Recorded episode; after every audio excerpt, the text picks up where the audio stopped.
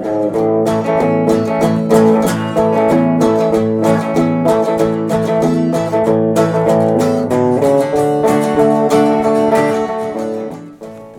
och välkommen till Maskinpodden. En ny podd för oss som är intresserade av maskiner inom jord, skog och entreprenad. Jag heter Per Westberg, en naturbrukare från Enånger i Hälsingland. I det här första avsnittet så ska vi få åka med i en Hudig 1160.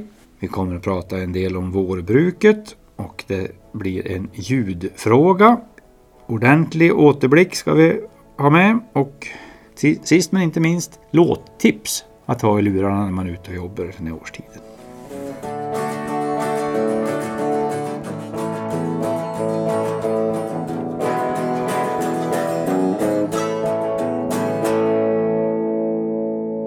Då så, drar vi igång det här poddprojektet, Maskinpodden.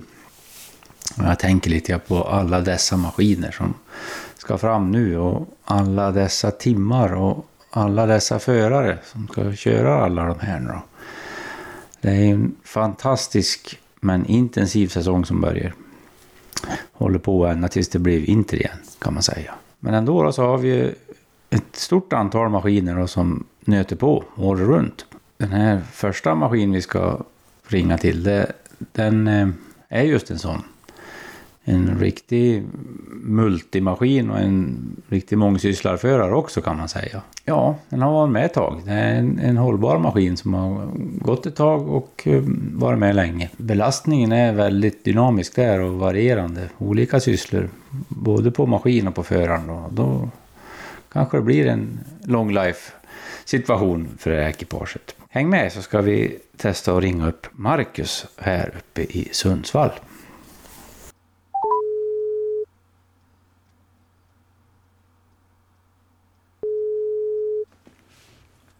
Ja, hej det är Marcus.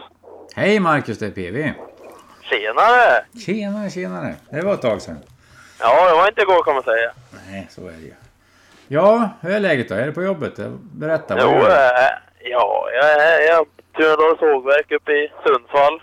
Jaha. Sitter, Och sitt, sitter där så en gammal Hudik 1160 då.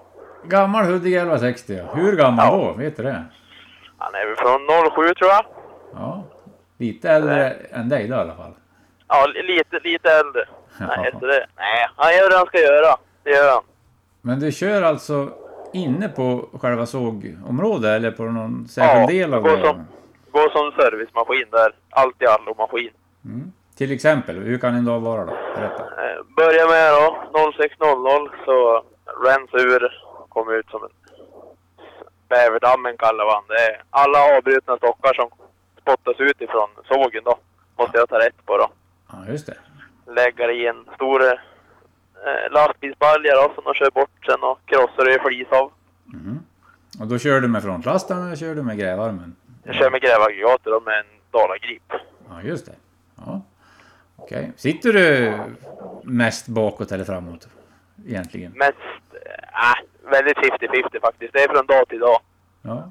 Ibland kan det vara en hel dag i, vad heter det, jag kör bara frontlastar och ibland kan det vara en hel dags grävning om det skulle vara så. Jajamän. Innanför den där Dalagripen då, då sitter en, en snurra tänker jag? Eller? Ja, eller ja, ovanpå då, eller hur menar du? Ja. Jag har en rototilt menar jag. Ja. Mm. Jo, det sitter en, eh, vad är det? Rot, ja, ex, exkavator eller indexator är det där. Ja, just det. Det väl, jag vet inte hur gammal och ny han är, men han är, han är, har väl några år på nacken den, kan jag tänka mig. Men han är nyrenoverad. Ja, nice. Det skulle, skulle det gå att köra utan den för dig egentligen? Jo, det tycker jag skulle gå att göra. Ja, Det går, men det blir lite svårt med gripen kanske. ja precis. Ja. Ja. Men eh, mer då? Ni hade ju ett sånt fruktansvärt snöväder här för någon månad sedan i Snö- Sundsvall. Hur- hur- Ja, jo, då var det ganska körning dygnet runt här. För det är liksom hela området har vi snö, snöröjning på det. Ända från påläggningsbordet för obarkade stockar fram till färdig virkespaket. Då. Så det är ju ett område i alla fall på en 2-3 kilometer. Ja, just det. Så då satt du nonstop och körde då? Ja, för efter all... När snön... När man skottar bort all snö så är det väl städning av... Ja, alla, runt alla virkespaket som kom om det, åt det och alla virkesvälter och allt sånt där. Så det, är liksom, det blir ett efterjobb också. Ja. Efter det. Ja, jag förstår det. Ja. Ja, är ni fler i, liksom, än i ett lag som kör eller är det du som... Eh, vi är, eh, totalt då? Vi, och när det inte är högtryck så är vi kanske två, tre man här då. Men när, när det var sånt högtryck så har vi i alla fall en fem, sex tror jag. Sju om inte annat. Så det var ett, ett, totalt en väghyvel, två eller tre hjullastare och två uddiga då som gick in. Ja, just det. Och så kör ni bort snö och sånt då, nu när det var... Ja, kör, kör. Vi har liksom hela snöröjningen här. Från köra bort snö efter att snö är färdigt och allting sånt där. All Mm. skötsel. Ja, och du jobbar... Det är inte din maskin här utan du jobbar åt någon? Nej, det här är Bengtssons entreprenad heter det. Bengtssons entreprenad i, i Sundsvall då, eller? Jajamän. Jajamän. Sundsvall. Ja. Ja. Eh, men maskin går bra tycker du? Det funkar bra? Ja, haft- han eh, går väldigt fräsch för sin ålder. är han. Det Mm, går otroligt bra. som du och jag då. Precis. Ja. Eh, har du matosvärmare då? Nej, inget sånt. Vi har ju tillgång till fikabod här vi, så vi behöver inget sånt. Jaha, ja, men matos har de här ändå. Det vet jag att du Ja, gillar mat. jajamän, det är sen gammalt det. Ja, vad har varit det, idag då? det. Idag vart det korv och eh, makaroner. Jaha. Håller liksom stilen. Jajamän. Nej, man, är, man, bor, man bor ju själv så man lever ju ungkarlslivet vet du. Ja, Fulla då-. Då är det korv och makaroner som gäller. Ja, fem dagar i veckan vet du. Ja, det är bra. Eh, kör du med skorna på eller kör du Nej, hoa det är... Skorna har vi i den här hytten. Jag misstänkte att det är så med dig där. Jajamän, det ska vara rent och, rent och snyggt. Ja, ja, ja. Har du kört med lastaren i topp någonting på länge då? Vad sa du? Kör du med lastaren uppe någon gång eller kör du bara... Ja, nej då, det brukar vara i toppen ibland då. Ja. ja, har du någon nice musik då när du sitter och dönar och kör? Ja, det är allt mellan rock och pop och bara lyssna på radio. Det, det, prata telefon mest Mm. hela dagen.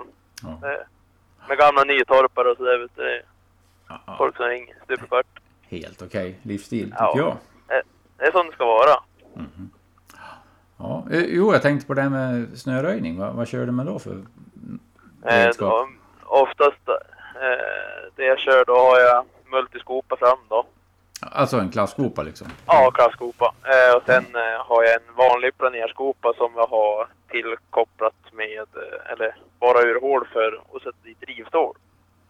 Jaha, ja, så du kan klösa lite då? Både klösa och skotta bort snö då.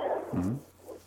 Ja. det- Men sen så har jag ju både isrivarblad till den fram och bak, eh, smalskopa, VA-skopa. och Sen har vi även ja, sopvals. Sen har vi ett internt tågspår. Så då har jag ju tågtillsats på den här också. Som jag har på, på vintern då. Tar vi bort den på sommaren. Säger du det? Eh, slipp. Ja, så då har jag ju någon järnvägsplog och grejer och vi- vinge då. Jaha. Till grävan bakåt då. Men hur är det då? Att ploga ett järnvägsspår sådär? Känns ju inte Ja. som det vanligaste grundutbildningsgrejerna. det, det är väl inte så märkvärdigt. Det sätt, ställa sig på spår och sen är det då fram och tillbaks. Det, liksom, det går ju som på räls som man brukar säga. Gör en tillåten nu sväng, säger GPSen. Ja, precis. Ja, Ja, ja intressant. Men det, det, Ja. det låter som att du liksom verkligen får, får köra... jo man får göra liksom allt möjligt. Sen så brukar det bli annan körning så då brukar man sitta i hjullastaren också. Som vi har här. Jaha, vad, är- vad var det för någonting då? Ja, det är, en uh, Ljungby L15. Ja, det är en fin svensktillverkad maskin det också ju. Ja, ho ja, det är hyttfjäder med hela fattigrullan på den. Så det, nej, Ja. det går för jäkla fint. Ja. Vet du hur, hur långt det kan bli? Sträcka på en dag som du, ett pass som du kör? Har du någon koll på det? Eller timmar ni kollar på? Ja, nu när det är vanliga dagar då är det åtta timmar då per dag. Ja. Men sen så brukar det bli extra körning så ibland så kan det ju bli ja 16 timmar vissa dagar. Det kan bli, ja det är liksom, det varierar dag till dag. Mm. Så det, Ja, det är nice. Ja, det är skönt med lite variation. Det blir inte samma samma. Ja, men det tycker jag låter som ganska vettigt. Bara Ja. A till B hela tiden, det, det låter Precis. lite monotont det kanske. Men nu vet jag att du gillar ju lite variation nu. Lite, Jo, det är liksom, det får inte bli samma det blir tråkigt. ja. Eh, Hinner ni tvätta maskinerna och har ni någon verkstad liksom tillgång till det? Självklart. eller? Ja, vi har tillgång så vi kan åka, och tvätta Mm. mellanåt. Det är alltid skönt att ha fräscha grejer. Och Ja. håller ju längre när det håller snyggt och rent. Ja, tackar för det. Eh, liksom underhåll och service och sådär. då? Lejer ni någon eller är det du som smörjer och så? Eh, Eller? vi har oftast eh, ja, daglig tillsyn och sådär, det gör man ju själv. Men sen om det blir något större projekt så brukar vi oftast leja in folk då för att det ska gå snabbt. För ja, maskin rullar ju hela tiden så har nästan sällan tid att hinna göra själv. Så då får Ja. de komma ut och hjälpa oss. Mm. Men annars har vi så vi kan ha tillgång till garage också Mm. och fixa maskiner och sådär. Jajamän. Får hoppa in och lasta bilar och sånt om en där eller? Nej, inte det här. Vi har ju också en till Ljungby också som barktraktorn då som går här. Ja, Det brukar vara lite extra helgkörning sådär och då är det lasta flisbilar då. ja precis. Ja. ja, men det låter som en ganska intressant tillvaro som du har då. ja det, det duger. Det duger åt dig. Ja. Ja. Däck då? Skiftar det ja, på säsong och så eller? Ja, det... Nej, jag kör på samma... Jag har samma däck ja. Mm. År, år om. Men de börjar gå på sista refrängen de här. Men de har ju suttit på i några år nu så det... Mm. Vi kör oftast på samma. Jajamän. Okej. Ja, men då så ska jag låta dig fortsätta ja, och åka till Bäverdammen eller vad kallar du det för? Ja, men nu, nu är det snart fika vet du. Chefen ringde och sa att det var fikabröd idag så det. Ja, men då Idag, så. Idag är det på topp. Ja, då tackar jag för pratstunden Marcus. Hörs Ja, men vad kul att det ringde. Hörs vi. Tack, tack. Hej, Ha det bra hej. Hej, hej. Då. Ja, så där hade Marcus Rosén på sin arbetsplats i sin Hudig 1160. Hur ser det ut för dig? Har du också en maskin som precis som för han då får köra på väldigt multi, många olika sysslor på dagarna? Kanske inte det man liksom direkt tänker. Det är inte bara grävning för grävlastarna utan det, det är ofta en ganska varierad miljö de hamnar i. Ni kan väl kommentera och posta bilder på vår Facebook-sida. Vi vill gärna se hur det ser ut där ni är och jobbar. Bilder är alltid intressant men skriv gärna också vad ni tycker. Vad funkar bra på er maskin? Och känner du igen de här momenten? Och har du någon episod och historia på din maskin som du tycker är intressant och vill dela med dig av så gör gärna det på Facebook. Vi heter Maskinpodden.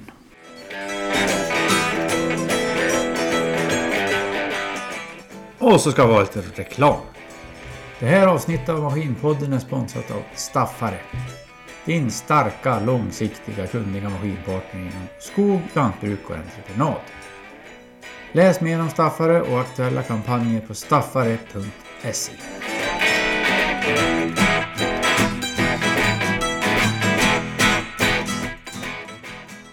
Vi är ju inne i vårens fagra tid. Fantastisk årstid men det är mycket som ska göras och så vidare.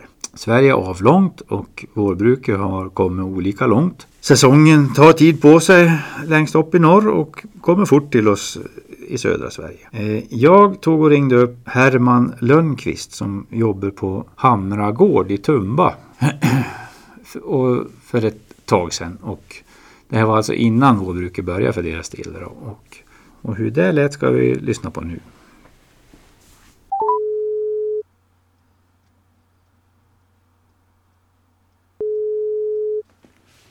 Hej, det är Herman. Hej Herman, det är Per. Hallå, hallå. Hallå, hallå, hur är läget? Jo, men det är bara bra, det tycker jag. Ja, trevligt. Det tycker jag. Eh, det är ju så här att du jobbar på en gård som inte är helt okänd för oss som är i lantbrukssvängen i alla fall. Nej, precis. Du kan väl berätta själv? Yes, det är för att jag är driftsledare på Hamra gård eh, nere i Tumba. Jag har varit det nu strax ett år här. Börjar närma sig i alla fall. Jajamän. Um, Mm. Men från, från början så låter det på din melodi som att du kommer lite. Lite längre söderifrån Ja. eller? Nej, precis. Jag är uppvuxen här i Ystad så långt ner som möjligt i princip. Ehm, Jajamän. Och nu är det på Hamra då som ligger i Tumba va? Utanför Ja, söder om. Stockholm. precis. Och, och det är en lite särskild gård kan man väl säga. Mm, jo, men det är det ju. Det är det ju, absolut. Det är ju eh, försöksgård till eh, Delaval som ägs av Delaval. Det är både försöks och en visningsgård egentligen för Delaval där som tillverkar mjölkutrustning och mjölkmaskiner Jajamän. eh, världen över så att säga. Ja, Och precis. vi har ju även Delavals huvudkontor som ligger här precis nedanför gården i Tumba. Mm. Och även fabriken som eh, monterar VMS-robotarna, alltså mjölkrobotarna. Och det är väl den enda fabriken som monterar robotar i världen. I Ja. Delavals robotar så att säga.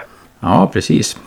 Det är en, en, en eh, intressant upplägg tycker jag att det låter som. Mm, precis. Så det är en hel del djur för din del då, men det känns som att det är nästan ett eget kapitel det. Ja, men det är det ju. Det är det ju. Jag, jag sitter egentligen i huvudsak med växtodlingen som är mitt ansvarsområde. Ja, vad bra. Men sen är mjölkproduktionen uppdelad i, i, för sin, sin del. Och då har vi då Linda som är, som är lagersföreståndare. Ja, precis. Ehm, är det. Eh, tankar inför vårbruket då? Hur, man kan väl Mm. börja då på gammalt lantbruksvis att eh, prata om fjolåret. För det har ju liksom med kommande år att göra ganska mycket. Hur gick det för er då? Fick, ni... Jo, men uh, fjolåret 2020 då vill säga, det har...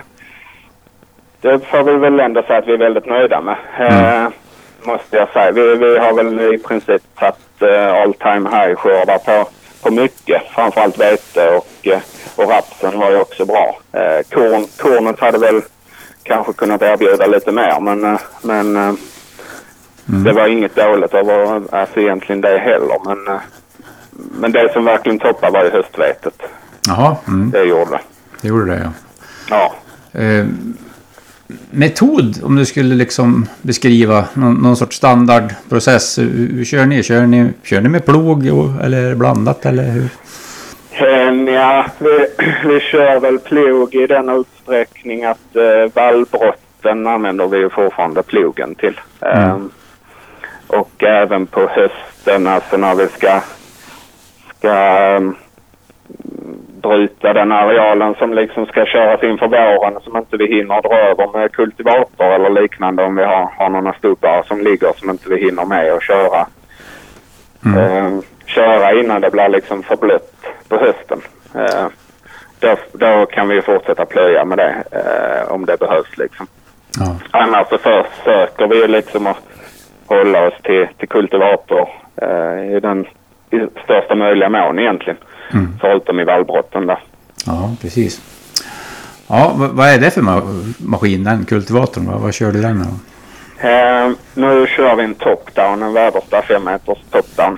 Mm. Eh, och eh, inför denna eller inför hösten här som var så köpte vi faktiskt, då bytte vi ut vår, eh, vi hade ju en, eh, en eh, Väderstad Carrier innan. Eh, den bytte vi ut och köpte en Lemken Rubin istället. Jaha, ja. Som visar sig kunna göra, den, den, går ju liksom att köra rätt så, rätt så djupt och aggressivt om man vill. Så att eh, vi gjorde faktiskt lite på försök här i höstas och körde över någon överfart med bara lämken, alltså med tallrikskultivatorn där. ja, just det. Och fick ju ändå rätt så, fick ju bra bruk direkt efter den. Så att eh, vissa fält så körde vi inte med, med någon pinnkultivator alls utan då körde vi bara med den här lämkenmaskinen. Ja, intressant. Essen då. Eh, det blir en del gödningsspridning på all den där arealen förstår jag. Det, blir ganska Mm. mycket ni ska ut med då. Jo, men det blir väl det när vi väl är igång med, med gödningsspridaren så sen rullar den höll jag på säga. Eh, Är det en maskin eller har ni flera? Eller? vi kör, nej alltså om vi säger mineralgödsel så har vi bara en, en eh, centrifugalspridare. Ja, Eh, har vi. Men, eh, nej, men vi hinner, hinner med ganska bra med den ändå. Det är ju, den är väl, eh, kapaciteten är ganska bra nu för tiden i de där spridarna så man kan stånka på rätt så bra hastighet. oh ja. Så det rullar väl på. Det, det som blir lite stoppkloss för oss, det är väl, som kan bli svårt, det är ju med all flytgödsel som ska ut ju.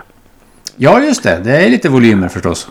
Ja, det blir det ju. Så att vi, det blir ju ofta nu här när vi väl drar igång. Och det blir väl också ganska snart inom, inom, en, eh, inom ett par veckor borde vi komma igång och köra flytgödsel tänker jag. Mm. Men då blir det väl ofta lite att vi får köra i skift eh, de första veckorna så man verkligen vet att man hinner med allting. Mm. Och då är det flera tunnor där och några stora traktorer. Eh, Vore det kul att höra? en, eh, en tunna. Vi har en 25 kubiks eh, hill. Mm. Eh, 24 meters ramp och den drar vi med en Fent eh, 939. Ja, just det. Eh, gör vi. Så att, eh, den, den väger ju sin del den där tunnan så att det, det krävs, krävs en ordentlig traktor framför. Det gäller att man har lite pulver under huven då när man ska upp. Ja men precis, precis. Jo men det gör det. Det gör det. Kö- Kör ni med... Hur många traktorer är inblandade i det här vårbruket hos er då?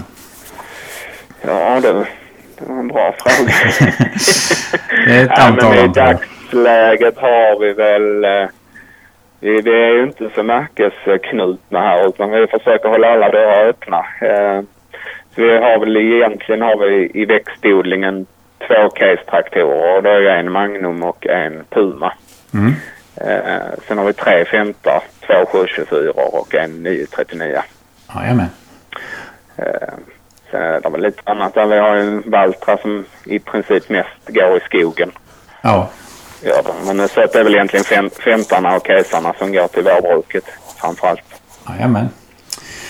Och då finns det en, en harv, tänker jag, någonstans där, eller? Ja, det gör det. Jo, nej, men vi, vi kör Väderstad där med gör vi. Så det är en NZ, en 10 meters, Mm. eh, eller NZA heter de väl egentligen. Jajamän. 10 meters harv och sen har vi ju då även Väderstads eh, Rapid såmaskin. Ja, Kombimaskin. Precis. En, en fyra meter eller vad kör ni med där då? 6 meters. En sex, en stor. Den är väl... eh, Den går ju ganska tungt den där maskinen gör den ju. För det, det är liksom med förredskap och allting och, eh, och både gödning och utsäde med dig så, så, så biter den ju i backen lite gör den ju. Även, eh, alltså den, särskilt nu när man kommer ut på de här lite stuvare lerjordarna. Ja, jag kan tänka även mig i det. det kuperade, de bitarna som är lite mer kuperade, då, då krävs det. Så vi drar ju den med Magnumen gör vi. Mm. Det är ett riktigt ekipage det. Hör du? Ja, precis, precis. Ja. Och um, hur mycket vill du harva och så vidare? Så djuper och så vidare? Ja.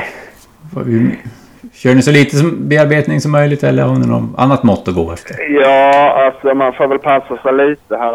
I och med det som, som jag sa, att det kan ju vara att det blir väldigt torrt här. Eh, Mm. så att det gäller inte bara att köra den här harven en harva för glatta livet. För att det är ju risken att vi står där sen och eh, har en öken och stoppar fröna i som inte eh, repar sig på lång tid liksom. Nej. Nej, precis. Mig, om jag pratar ur min egen erfarenhet då. För, för mig är det... När jag tar den sista skopan dynga då, fa- fast gödsel på svenska eh, från Mm, plattan här. Då upplever jag en väldig lättnad liksom. Åh gud, nu. Ja. Det är inte att när det är färdigsått och så, utan det är just då när det är tomt där, då vet jag att nu, nu har jag klarat det tyngsta liksom. Hur är det för dig då? När, när känner du lättnad då? Blir fri? Ja, nej. Väl, jag, jag är väl lite mer så här när man väl har... Sen blir det lite annorlunda för här, här rullar det på ett annat... Um, vad ska man säga? Det blir... Vårbruket är klart. Ja, då blir det lite lugnt. Men det blir inte så lugnt i en jättelång period. Nej, det, är inte, det går ju i sen, är det snart dags för första skörden i vallen liksom. Ja, Eh, gud, och ja. sen rullar det ju på med fyra vallskördar till korna och sen tar vi både hö och hästfoderskördar med ju. Alltså, jaha, det också. Ja. Eh, det gör vi. Så att det, det rullar på ett liksom. Det är väl först egentligen när det är tröskat och klart och inlagt och sålt. Ja, när du har Men, parkerat men- röskan då kan du andas lite grann. ja, precis, precis. Jo, nej, men lite så är det väl. Men eh, visst, det, det är ju... Sen är det ju inte för att om man säger ska vi fokusera på vårbruket så är det väl egentligen inte när det är färdigt heller. Utan det är först när jag ser att det sista fältet har tittat upp och ser friskt och- det växer på bra. Det är då man kan börja slappna av lite i alla fall. Jajamän. Så, Tycker jag det känns. Och sen det. kan man börja oroa sig för ogräs och insekter sen istället. ja, jo. Vi kan prata lite om det då. Det är intressant. Eh, jag har inte frågat det, men allt du har sagt tyder på att ni kör ganska konventionellt hos dig då. Det är inte någon... Absolut. Vi kör konventionell växtodling på allt, gör vi. Och Mm. även mjölkproduktionen är ju konventionell. Jajamän. Och men då har man fina möjligheter att, att, att ge sig på ogräs och, och kusar och så som du sa där. Ja. Eh, är det någonting du lejer för eller har ni egen kapacitet på det? Och sprut? Nej, vi, vi har egen eh, bugserad Amazonespruta har vi. Eh, Mm. Så att det, det, det kör vi själva, gör vi. Ja. Har du smaldäck på någon traktor då eller hur? Ja, vi, vi har ju ena 724 där som vi, vi klär om då när det väl drar igång för den säsongen. Så, Ja. så byter vi över ett smaldäck på den. Gör vi. I- Li, lite giver och sånt, lite siffror skulle jag vilja prata om också. För om du Mm. sår, sår eh, eh, oljeväxter säger vi. Det är en ganska Ja. liten givare. Ja, alltså vi, vi, lägger, vi får lägga 60 kilo kväve på hösten får vi göra. Och det, det försöker vi liksom. Vi ligger runt 60 kilo på, på hösten eller vi maxar där så att säga. Mm. Eh, det gör vi i största möjliga mån liksom. Mm. Eh, Och sen på våren då, vad, vad ger man den då? då? sen på våren så är det ofta axan vi kör ut, eller det axan vi kör ut helt enkelt. Eh, Mm.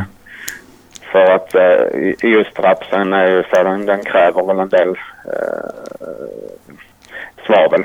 Så Ja. och då är axan en ganska bra produkt, alltså NS då. Ja, jo det är ju kväve och svavel i den ju. Ja, precis. Precis. Mm. Och de andra sorterna då? Om du har så här mycket höstvete till exempel. Och, Ja, höstveten blir också, då, då kör vi ju. Där får vi ofta in lite flytgödsel ju på det mesta.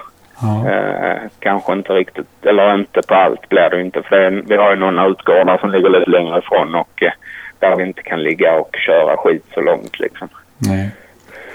Men eh, annars får det ju, det får ju sin, sin giva på hösten antingen då vi både kör flyt och sen kör vi kombisåg då med, med, med rapiden ju. Mm. Ehm, Mm. och sen blir det ju ofta, vi kör där och kör, för nu med ensensorn så har vi möjligheten att lägga, kunna lägga en rätt så fin kompletteringsgiva också.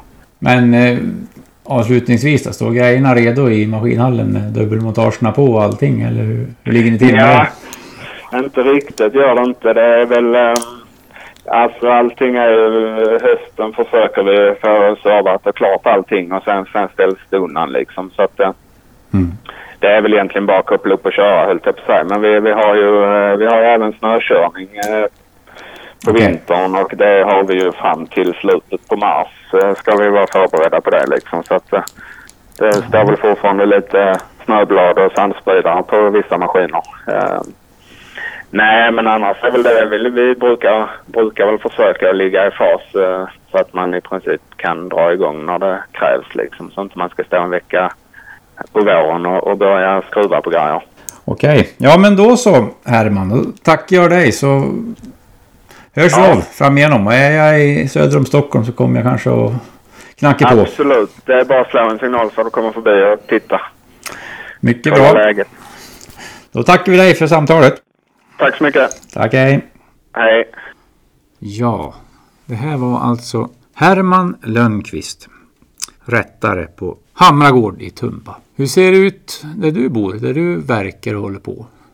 Hur långt har du kommit med vårbruket? Är ni klar? Har ni gått över till nästa moment redan kanske? Eller ligger det snö kvar? Har inte kommit igång än? Ni kan väl kommentera och skriva. Gå in på Facebook. Bild gärna, tycker jag är kul. Och titta hur det ser ut.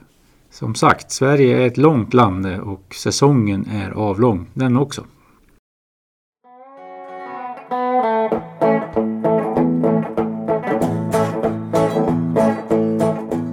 Då ska vi ha en ljudfråga ska vi gå över till nu.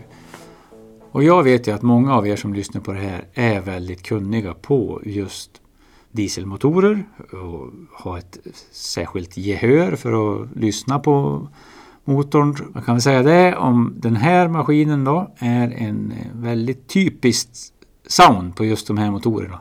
Har med cylinderantal att göra. Kan jag säga. Gissa på det här. Skriv svaret i kommentarsraden på vår Facebook. Ange också årsmodell. För det är liksom lite utslagsfrågan här. Kan man ge vilken årsmodell det här är så är man med och tävlar om pris från våran sponsor. Så här låter frågan.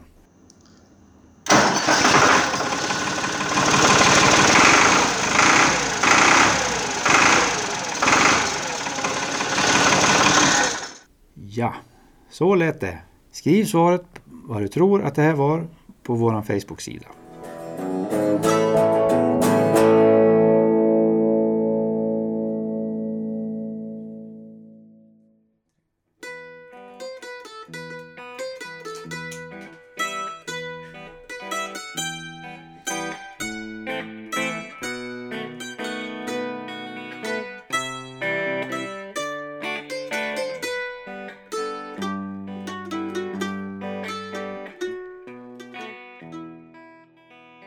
Ja, då ska vi ha en återblick. Och idag ska det handla om en riktig legendar i traktorsammanhang, nämligen Harry Ferguson, en bondpojk som föddes 1884 i Dromore på Nordirland i närheten av Belfast någonstans.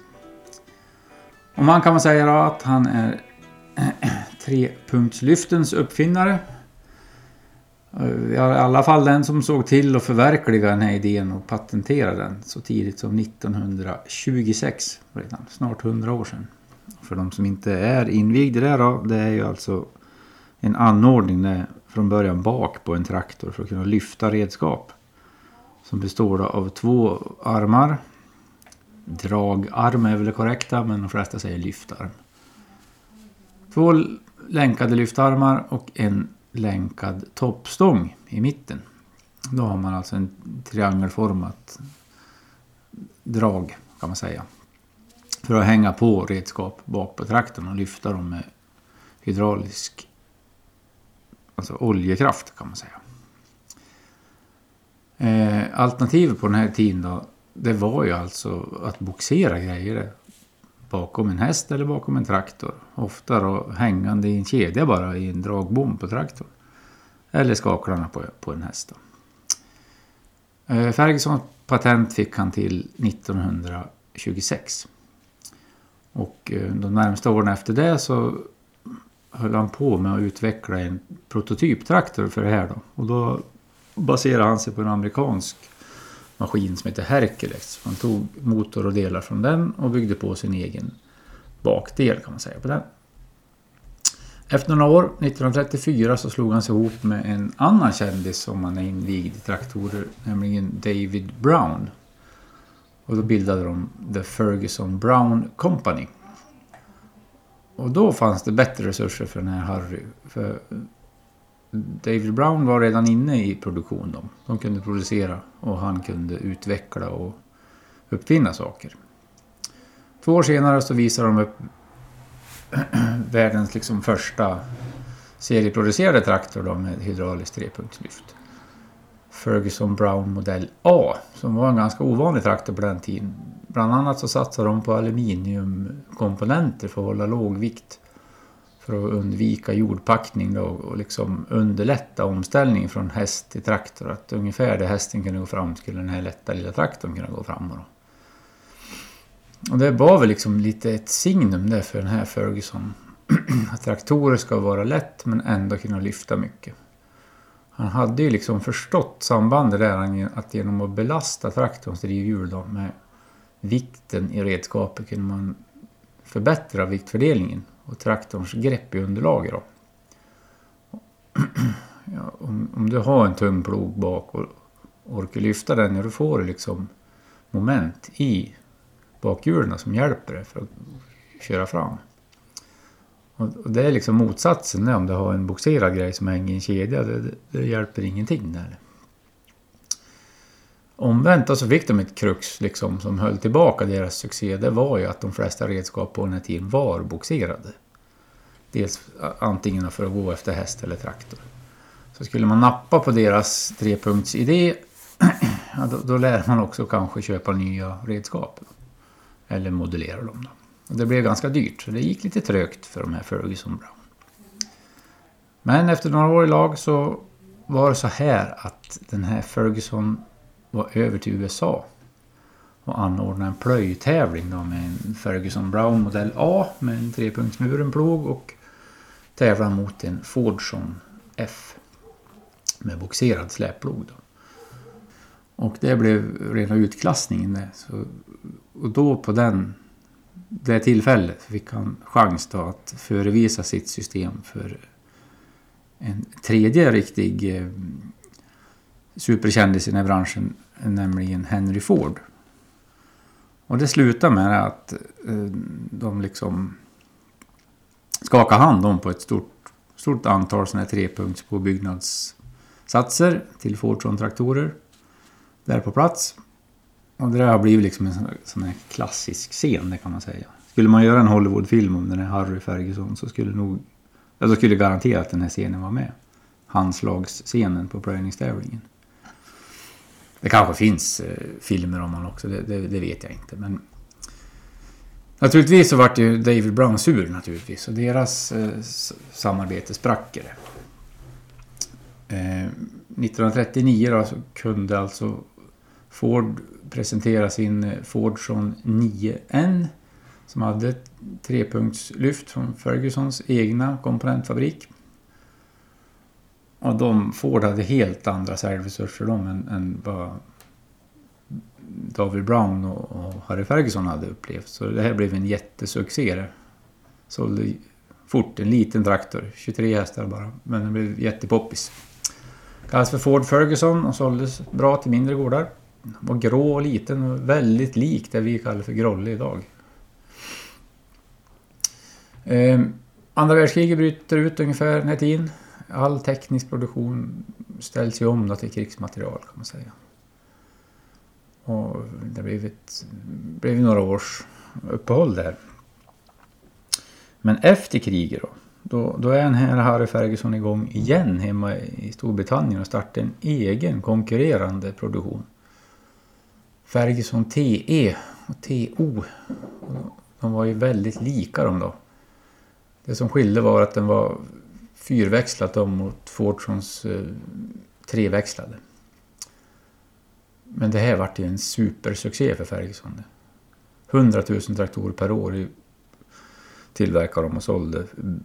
Behovet var enormt i Europa efter andra världskriget.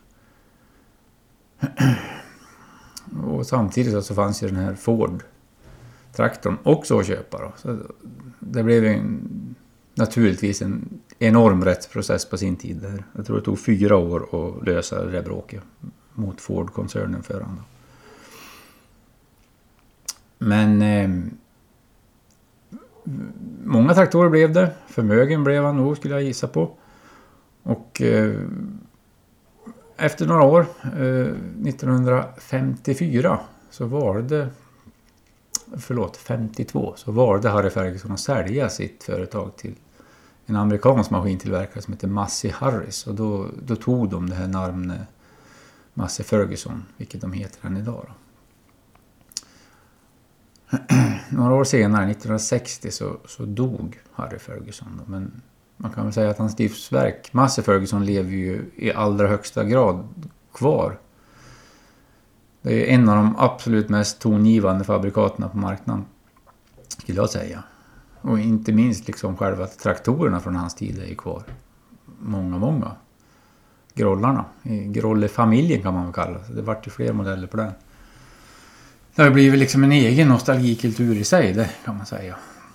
Så i Sverige har vi Svenska Fergusonklubben heter det. Det är alltså en organisation för Grolle-entusiaster och de har många verksamheter men bland annat så ger de ut den här Grolle-kalendern varje år. Eh, Massey Ferguson idag då ingår i en stor maskintillverkarkoncern som heter Agco. Det står för Alice Gleaner Corporation tror jag. Gleaner är väl en stor trösktillverkare i USA. Vad jag vet. De har väl en någon sån här enorm omsättning på... Alltså det är ett miljardföretag. Det är väl gigantiskt helt enkelt. Och det som börjar på, hemma i en vedbo i, på Nordirland, det, det är ju det idag. Så man får nog säga att Harry Ferguson är väl en av de största influencers som traktorbranschen någonsin har haft. Det var det. Tack!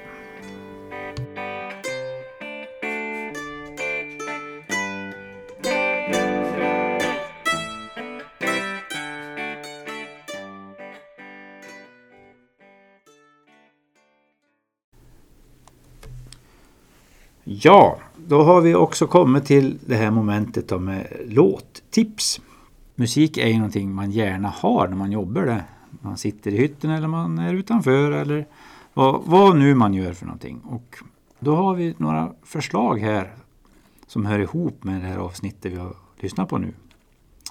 Som en lista på Spotify som ni kan ta hem, gå in via vår Facebook och kolla där så kan ni få förslaget där. Det är en, en, en samling låtar som hör ihop med det vi har pratat om idag. Nästa avsnitt då kommer vi att prata en del om grävning, grävlastare och mycket annat. Vi hörs snart igen. Tills dess, ta det lite lugnt så hörs vi. Tack för mig. Hej!